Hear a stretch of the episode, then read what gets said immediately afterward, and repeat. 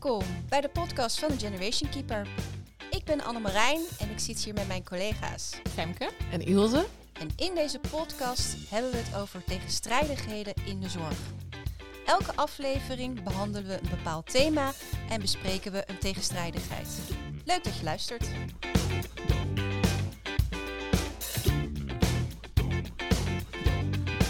In deze aflevering van de podcast willen we het hebben over de arbeidsproblematiek. Want hè, zeg nou niet of zeg nou wel, waar hebben we niet meer een tegenstrijdigheid in dan hoe kunnen we nou in de toekomst nog die zorg blijven leveren? Hoe gaan we dat doen met z'n allen? En eigenlijk zoals we de ouderenzorg nu geregeld hebben, ik denk dat we daar allemaal over eens kunnen zijn, hè, dat gaat zo niet langer. Dus we zullen die ouderenzorg toekomstbestendig moeten maken en misschien ook wel uh, personeel op een andere manier moeten inzetten en scholen. En niet volgens de huidige traditionele normen en waarden en eigenlijk opleidingen en opleidingsniveaus.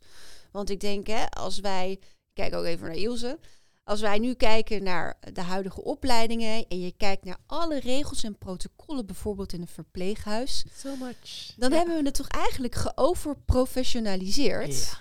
ja. En wat hebben ouderen nou eigenlijk nodig? Waar gaat het nou eigenlijk over? Liefde.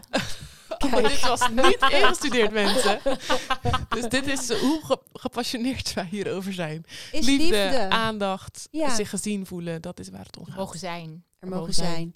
En als je kijkt naar het, de zorg die men nodig hebt, dan kan je eigenlijk ook wel zeggen dat misschien wel 80% van de zorg die wordt geleverd, zowel in de thuiszorg als hè, intramuraal als extramuraal, dat dat misschien 80% wel uit laagcomplexe zorg bestaat. Zeker weten. Ja? Ja, kijk, weet ik hoor. Ja. bizar. Nee, dit is waar het over gaat. Ja. En wat hebben ouderen nu eigenlijk nodig voor zorg? Zullen we daar anders nog eh, voor de laatste keer een keer Joris Laats over spreken, ja. over inbellen? Tuurlijk, die kunnen we niet missen. Die kunnen we niet missen, deze aflevering. Laten we hem even het thema introduceren. We gaan hem The bellen. man, the legend.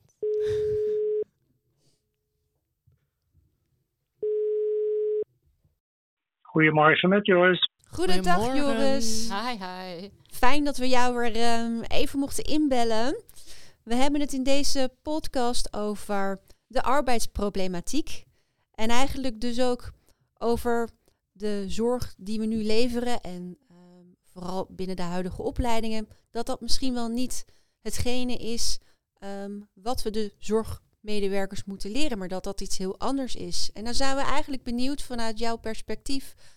ehm, wat is liefdevolle ouderenzorg? En wat hebben ouderen nou eigenlijk aan zorg nodig? Ik- Ik denk dat dat eh, een heel goed uitgangspunt is om je af te vragen van wat hebben ouderen nodig en hoe is het, ja, waar zijn we aanbeland eh, ten opzichte van die vraag. En ehm, ja, wat ik dan toch altijd doe is even, even teruggaan in de tijd zo'n beetje. Hè, van waar komen we vandaan? Waar komt al die zorg vandaan? Hoe hebben we dat opgericht? Hoe hebben we dat geregeld?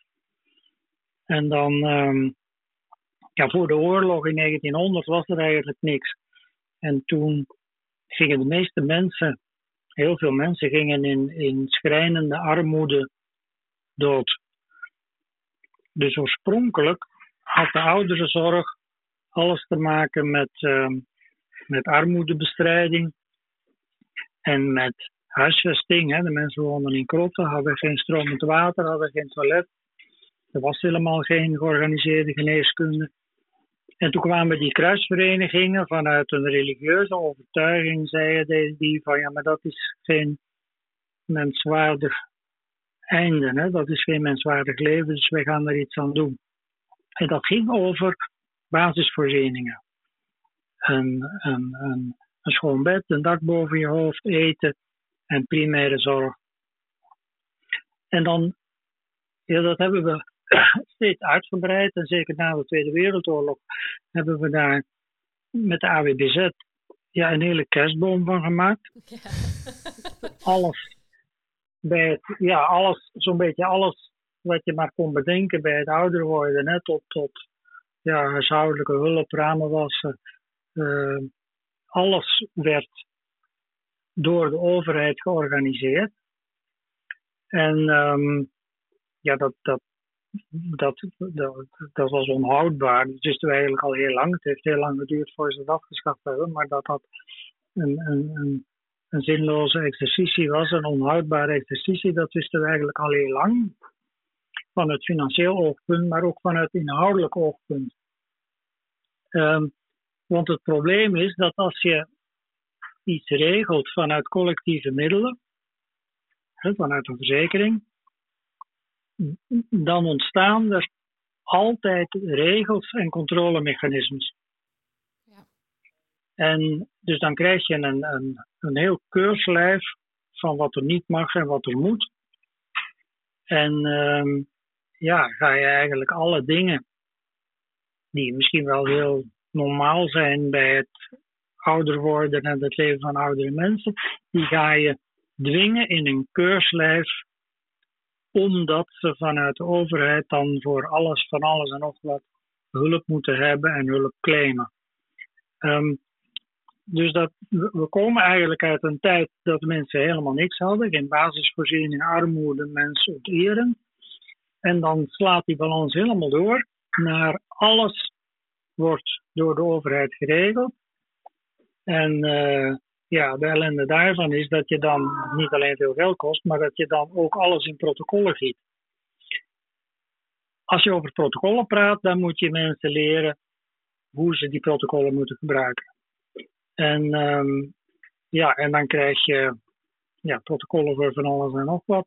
Hè, voor dingen die heel normaal zijn. Uh, was het tandenpoets, uh, noem maar op. Alles werd geprofessionaliseerd omdat um, het uit collectieve middelen gefinancierd werd. Ja, dat, is, dat is een heel onwenselijke situatie.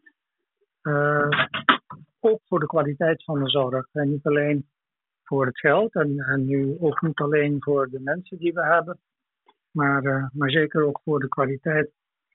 Dus het is, we moeten eigenlijk terug, terug bij af. Dus we moeten ons afvragen van, ja, wat hebben mensen nu eigenlijk nodig vanuit de samenleving of vanuit collectieve middelen, vanuit de overheid, om een menswaardige oude dag te hebben.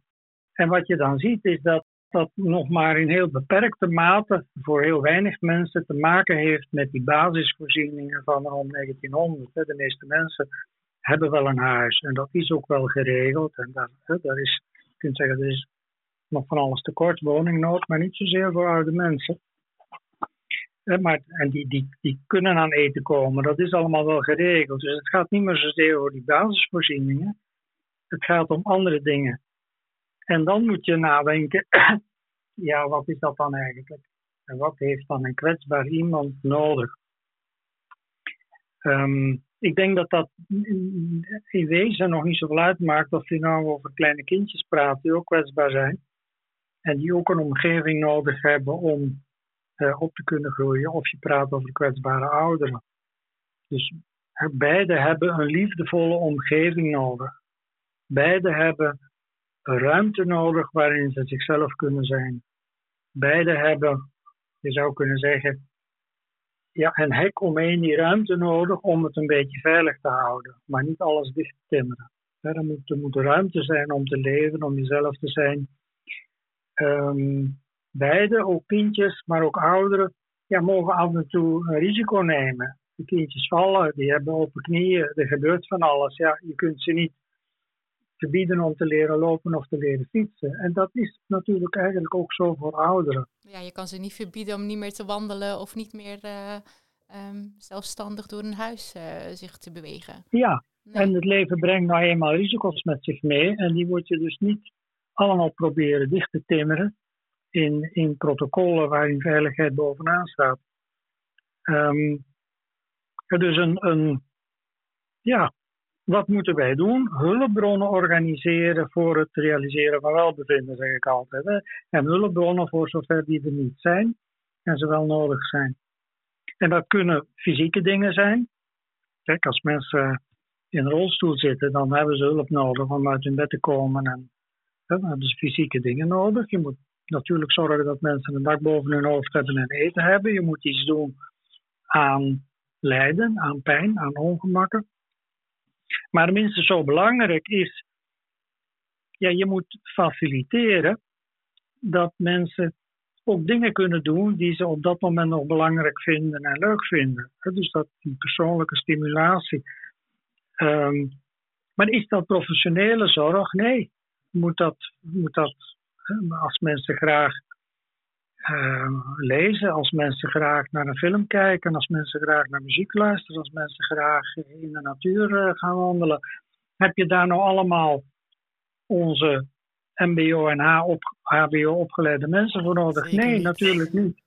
Nee. Dus dat, is, dat gaat over iets heel anders dan wat die mensen leren. Hetzelfde geldt voor sociale interacties. We hebben al in, ik heb al vaak in mijn, in mijn hè, als, ik, als jullie mij bellen, verteld over het feit dat, dat die belangrijke anderen, die in intieme relaties, hè, die identiteit, intimiteit, dat die fundamenteel zijn voor het welbevinden. Nou ja, het faciliteren van mensen zodat ze daar iets mee kunnen doen. Ja, daar, daar heb je al die, al die mensen die wij dan zogenaamd professioneel hebben opgeleid in, die, in al die technische taken, die heb je daar niet voor nodig. Die, die, die hebben daar ook nooit voor geleerd. Die hebben daar geen, hè, de, geen verstand van, zou ik haast zeggen. Wat, wat je moet doen, is zeggen dat het levendeel van de omgeving die kwetsbare mensen nodig hebben, dat zijn dingen die eigenlijk iedere mens kan. En wat je dus moet doen, is dat nou, mensen daar een beetje mee helpen, daarop wijzen, dat faciliteren. Je kunt dat een beetje een kader geven, hè, zodat mensen zich daar prettig bij voelen. Um, hè, zodat mensen dat veilig kunnen doen voor zichzelf en voor anderen. Maar in essentie zijn dat allemaal dingen ja, die iedere mens kan. Ja. Eigenlijk is het bewust maken van de talenten die ze al bezitten. Ja, ja. En, en er zijn voor de anderen. Het is een, een, een liefdevolle omgeving creëren voor de anderen en naar de anderen luisteren. De empathie, dat soort van dingen. Empathie kun je waarschijnlijk niet leren. Je kunt mensen er wel op bewijzen dat dat belangrijk is.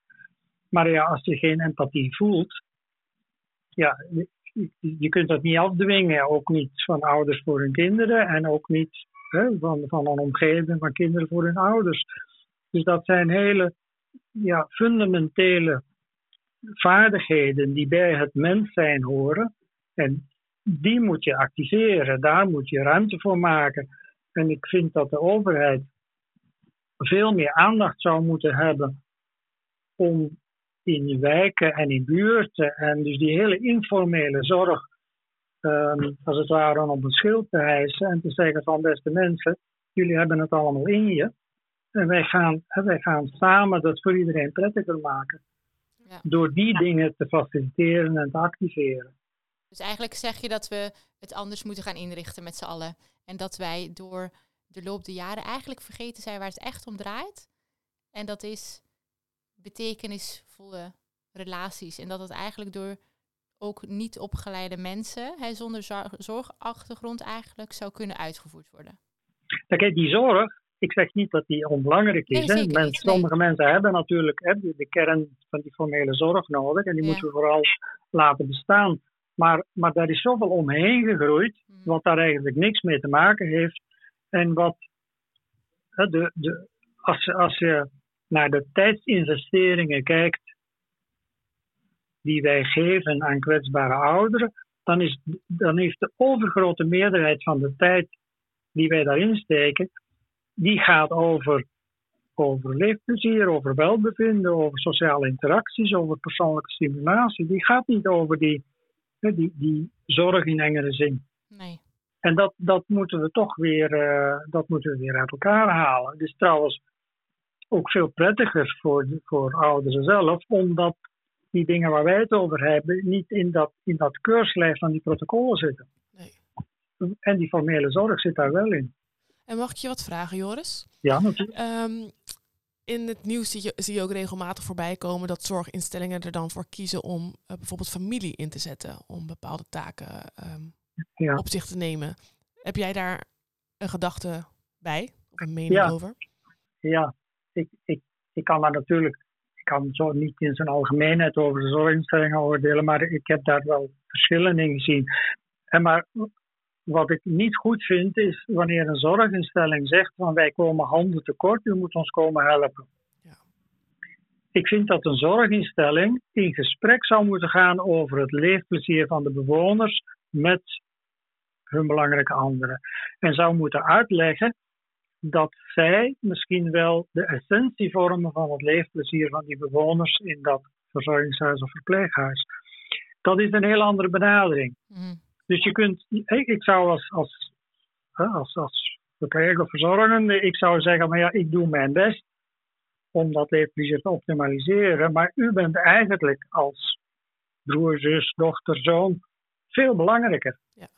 Niet omdat wij handen tekort komen, maar omdat dat nou eenmaal zo is in het leefplezier. Een hele andere insteek. En wat zouden wij dan samen kunnen doen? Wat zouden wij als, als instelling kunnen doen om u te helpen om die rol te spelen?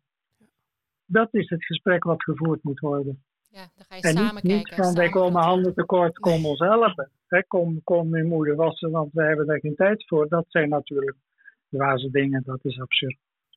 Dank Dat je zou niet mogen. Nee. Nee. Mooi. Wij hebben natuurlijk een, ehm, eh, al jarenlang zijn we bezig om een, eh, eigenlijk een opleiding te ontwikkelen die dit faciliteert. Die dus eigenlijk gaat over, Over eh, dat we mensen zonder zorgachtergrond bewust maken van hun eigen talenten. Zodat ze die kunnen inzetten. nou, dat, dat, hè, dat onze training is afgestemd eigenlijk op wat er echt nodig is aan kennis en vaardigheden om liefdevol te kunnen zorgen voor ouderen. En dat, he- dat is dus iets anders, dat heeft een andere insteek dan waar een mbo of een hbo eigenlijk Ja. over gaat. Ja, maar wat zo grappig is aan, aan jullie training is dat die niet zozeer zegt van dit moet je zo doen en dit mag je zo niet doen. Hè? Dus dus niet zozeer uitgaat van protocollen en kaders en richtlijnen, Nee. maar uitgaat van ervaringen. Je nodigt mensen uit om dat eens zo eens te proberen en vraagt dan van hoe voelt dat voor jou en voor de anderen. Ja. Dat is een hele andere manier van leren. En, en dan zet je de luiken van mensen open. Niet door ze een protocol uit hun hoofd te laten leren. Hè. Wat zijn nou de vijf belangrijkste kenmerken van communicatie? Dat, daar kun je wel iets over zeggen. Maar dat is niet de essentie. De essentie is, probeer nou eens zonder agenda, zonder vragen een gesprekje te voeren. En, en voel dan eens voor jezelf, hoe voelt dat dan? En wat gebeurt er dan? En dus dat, dat leren door, door mensen bewust te maken van wat er nou werkelijk gebeurt, van hun ervaringen, dat is een hele andere manier van leren. En die is echt noodzakelijk voor de dingen waar we het hier over hebben. Want als je dat weer in, allemaal in theoretische kaders en protocollen giet, dan sla je het dood. Want dat is heel individueel allemaal. Dat is heel persoonlijk. Dat is bij iedereen anders, dat is in iedere relatie anders. Dus laat dat maar gebeuren. En, ehm, en dan zie je dat mensen die gemotiveerd zijn, hè, die, die hè, wat overigens de meeste verpleeg- en verzorgenden, zo niet allemaal, die gaan dat vak in vanuit dat gevoel. Ja. Ik, ik, ik voel iets om voor die ander iets te Ja. betekenen. Dat is een heel fundamenteel gevoel bij die mensen. Ja, zorgen vanuit je hart. Gebruik dat verdomme, zet die luiken open, laat ze dat toe, laat dat persoonlijk zijn. Hè. Zet die protocollen op de achtergrond. En eigenlijk zeggen wij ook een beetje dat wij geloven dat als jij het voelt, hè, dat je vanuit je hart wil zorgen, dat je daar eigenlijk niet zozeer een, eh, een HBO-opleiding voor nodig hebt. Nee, misschien zelfs juist niet. Nee. Kijk, een goede moeder die voor kleine kindjes zorgt, die, die moet dat niet leren in een opleiding met protocollen. Dat is zo belachelijk. Nee, want moet- liefdevolle zorg gaat over de ander echt willen leren kennen. Ja, ik, goed, goed luisteren en goed voelen. Hè, wat gebeurt hier?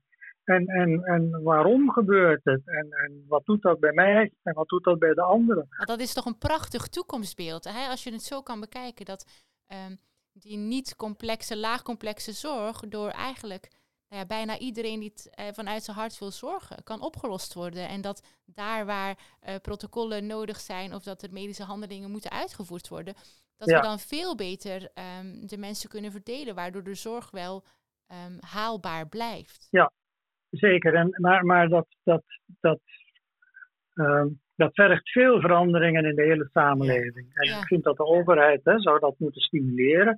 Stel nou dat een, hè, dat, een, dat een tiener wat zakgeld wil verdienen en vakken gaat vullen in de supermarkt, hè, dan zou je tegen zo'n tiener ook kunnen zeggen: het alternatief is dat hij je oma gaat helpen en daar misschien hetzelfde zakgeld voor krijgt. Doe nou eens die ervaring op, want eigenlijk is dat veel leuker en veel waardevoller ook voor jezelf en voor je levenservaring dan, dan die vakken vullen in de supermarkt. En, en, en dat hele proces, ook om die generaties te verbinden, hè, dat is, um, ja, weet je, dat, dat, dat, dat is niet goed op gang. En dat is, Zeker niet. En dat zit ook niet in onze westerse cultuur, hè? Dat is zoveel individualistischer geworden dan als je bijvoorbeeld kijkt naar andere samenlevingen.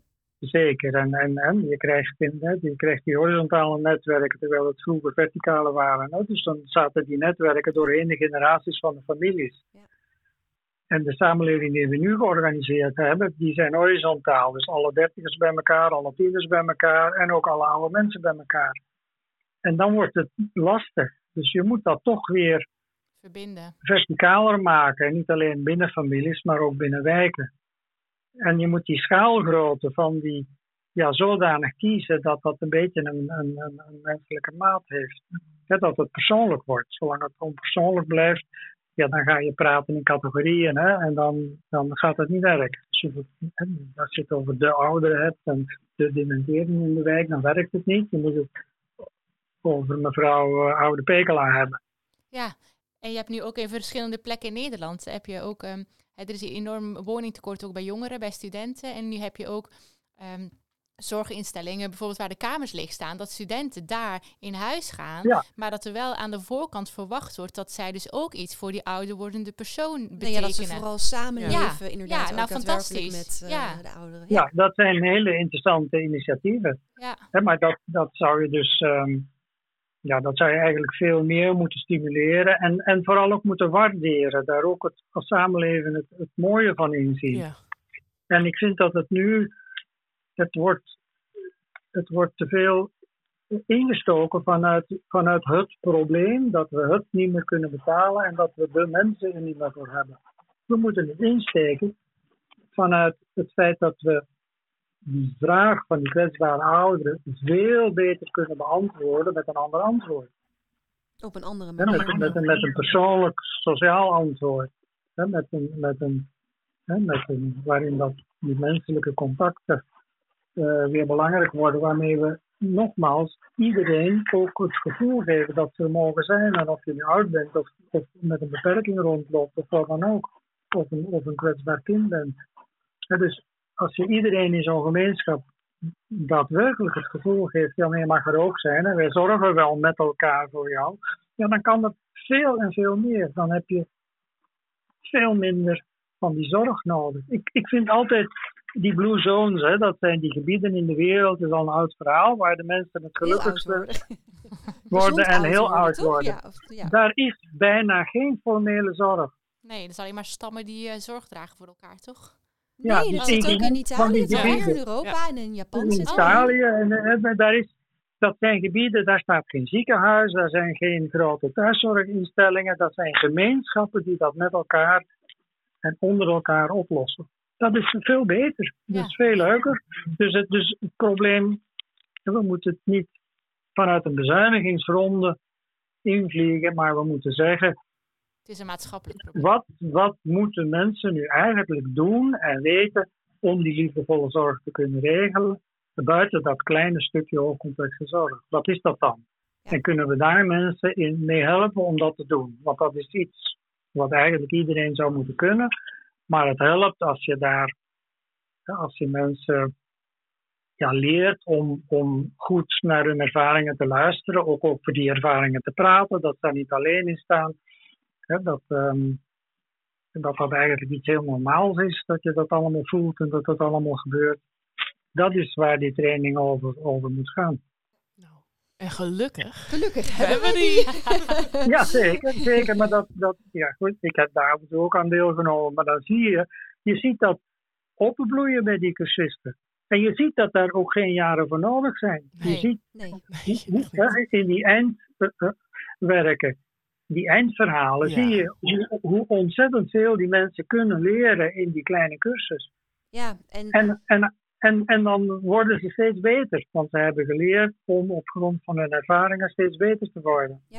En je ziet ook als je mensen in hun kracht zegt, hè, wij zeggen ook, eh, wat voor mensen kunnen wij opleiden tot zorgkundigen? Dat is eigenlijk iedereen die een hart heeft voor ouderen. En we zien ook mensen met misschien een afstand eh, tot de arbeidsmarkt of mensen met een migratieachtergrond die toch dat lastig vinden om te werken. Dat als wij zo'n groep kunnen trainen, dat we die zo gemotiveerd krijgen om als zorgkundige aan de slag te gaan. Ja, en dat zijn werknemers die zijn goud waard. Zeker. Zeker. En ook voor, kijk, en, en, en dat is wederkerig. Ook voor hun is dat natuurlijk fantastisch. Ja. hè, Want ze krijgen een, een, hele, een, een belangrijke en waardevolle positie in onze samenleving. Dat is wat we moeten doen. Ook zij mogen er zijn. Ja. Ja, zeker. En dan moeten we ze ook wel een plek geven. En, en, en als voor de mensen die gemotiveerd zijn dat een plek is, nou dan moeten we dat vooral regelen. Zeker.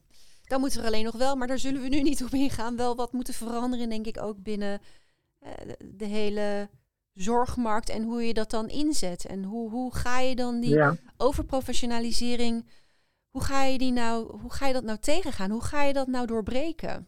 Ja, kijk, dit is, het zal wel moeten, maar dat vind ik, dat is, een, eh, dat is, een, dat is niet mijn, mijn voorkeurskeuze om het te veranderen, maar het zal wel moeten, want de mensen zijn er gewoon niet meer. En ehm, eh, dus de wal zal het schip wel keren. Maar ik vind dat, hè, dat, ook, dat je ook proactief moet zijn en dat proberen op een andere manier te veranderen. Dus dat wat jullie doen met die trainingen, en wat sommige zorginstellingen toch proberen hè, die, die, die gemengde woonvormen waar heel veel eh, toch wel experimenten in zijn. Hè, jonge en oude mensen weer met elkaar te verbinden. Ehm, ja, dat, dat zijn dingen. Ja, en ik denk ook, waar wij het eerder over hebben gehad, is ook ehm, dat we elkaar moeten gaan zien als schakels. En ook moeten gaan samenwerken in zorgnetwerken. En dat daar dus verschillende schakels voor nodig zijn. En dat die er dus ook mogen zijn. En dan niet zozeer in er, eh, van niveau 1, 2, 3, 4, 5 of wat dan ook. Maar dat je ook kan kijken welke schakels heb ik nodig, wat he- moet ik aan zorg leveren en hoe kunnen we dat met elkaar faciliteren. En niet automatisch denken, oh dat kan alleen maar een niveau 2 of een helpende plus. Ja. Maar dat je ook binnen een zorgnetwerk taken kan redigeren en ook al kan aanleren. Hè. Ik bedoel, wij hebben dan ehm, in ons programma hebben wij ook een bepaalde module dat gaat over die laagcomplexe zorg, die laagcomplexe ADL-zorg. Maar we zitten dan nu bijvoorbeeld in een experiment met een zorgkantoor. Je ziet toch dat ze die grenzen steeds al iets meer opschuiven. Gelukkig. Van wat als wij nu bijvoorbeeld medische steunkousen, het aan- en uittrekken van medische steunkousen kunnen toevoegen aan dat takenpakket bijvoorbeeld van zo'n zorgkundige. Dan kan zo'n zorgkundige daadwerkelijk contactmomenten overnemen van De wijkverpleegkundige. wijkverpleegkundige. En die kan zich dan weer veel meer richten op juist die specialistische taken die er uiteraard altijd nodig zijn binnen zo'n kader.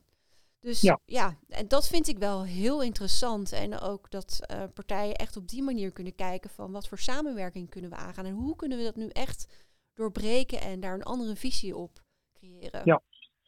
Zeker, dat is denk ik de weg die we moeten gaan. We hebben nog een lange weg te gaan, maar je moet ergens beginnen. Ja. Ja, En ehm, ja, en dan, maar, en dan maar proberen. Maar het is, ja, het is duidelijk dat er, dat er ehm, heel veel nu in het takenpakket zit van mensen die daar eigenlijk verkeerd voor zijn opgeleid. ja, dat is misschien Ehm, wel de beste ja. conclusie. Ja, En, en dat, dat moet daar weg. Dat is absurd. dat moet daar weg. Dat is. Ja. tegenstrijdigheid op Ja. zich al. Ja, want Ja. waar gaat het nou echt over? Ja. Ja. Ja. Nou Joris, wij willen jullie weer- jou weer bedanken voor eh, deze ehm, prachtige inzichten en bijdragen. En ehm, Graag gedaan. nou, bedankt en tot de volgende keer. Dankjewel. Veel, eh, veel, veel plezier ermee. Dankjewel. Hoi hoi. Doei. En ik vind ook, hè, naast ehm, dat het meehelpt aan het oplossen van de arbeidsproblematiek, hè, onze, de training die wij bieden, vind ik het zelf ook altijd heel mooi om te zien dat de training ehm, ook heel erg helpt bij de zelfontwikkeling van degene die de training volgt. Dus voor, van eh, de zorgkundige in SP. En dat, kijk, de, wat wij bieden, de training, is een ervaringsgerichte training. Wat inhoudt dat zij ook ervaringen met elkaar eh, gaan doen. Ze gaan dingen ervaren, opdrachten ervaren. Maar ze vertellen ook dingen die ze meemaken in hun werkveld, waardoor ze zich heel erg verbonden voelen met elkaar. En ik denk dat er, ja, ik kan wel blijven praten over alle pluspunten, denk ik. Maar, Maar nee, precies dat. Door te voelen wat het met jou kan doen, kan je ook veel beter begrijpen wat het met een, nou ja, een klant of eh, een cliënt ehm, waar je komt kan doen. Die verbinding. Het is Hè? misschien wel goed om te zeggen dat eigenlijk hè, onze training is een blended learning programma.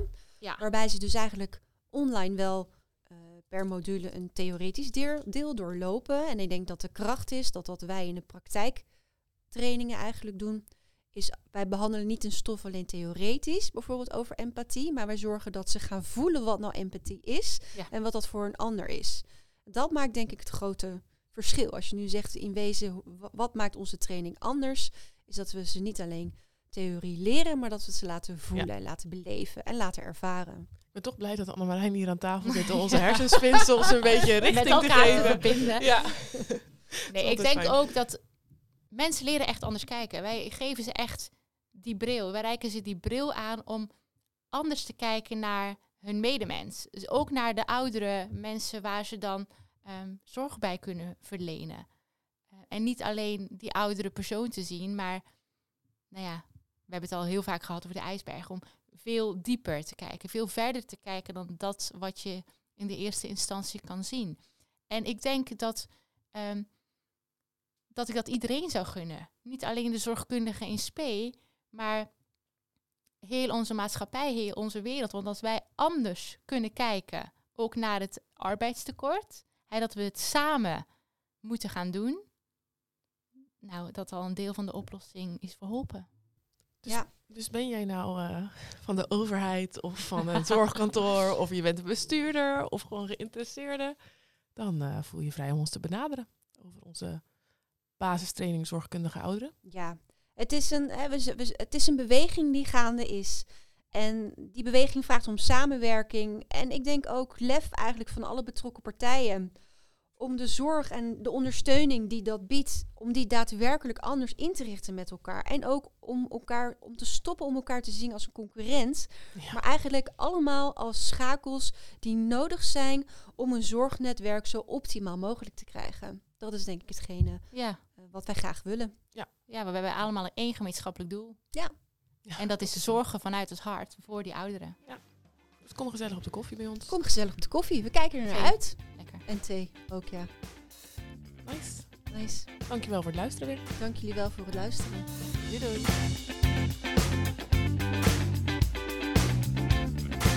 Als je nog steeds luistert, gefeliciteerd. Je hebt het einde gehaald. Wil je niks missen van onze podcast? Abonneer je dan. En ben je nieuwsgierig geworden naar ons? Kijk dan op www.generationkeeper.nl. Wil je een ervaring met ons delen? Heel graag doe dat dan via onze socials. Tot snel!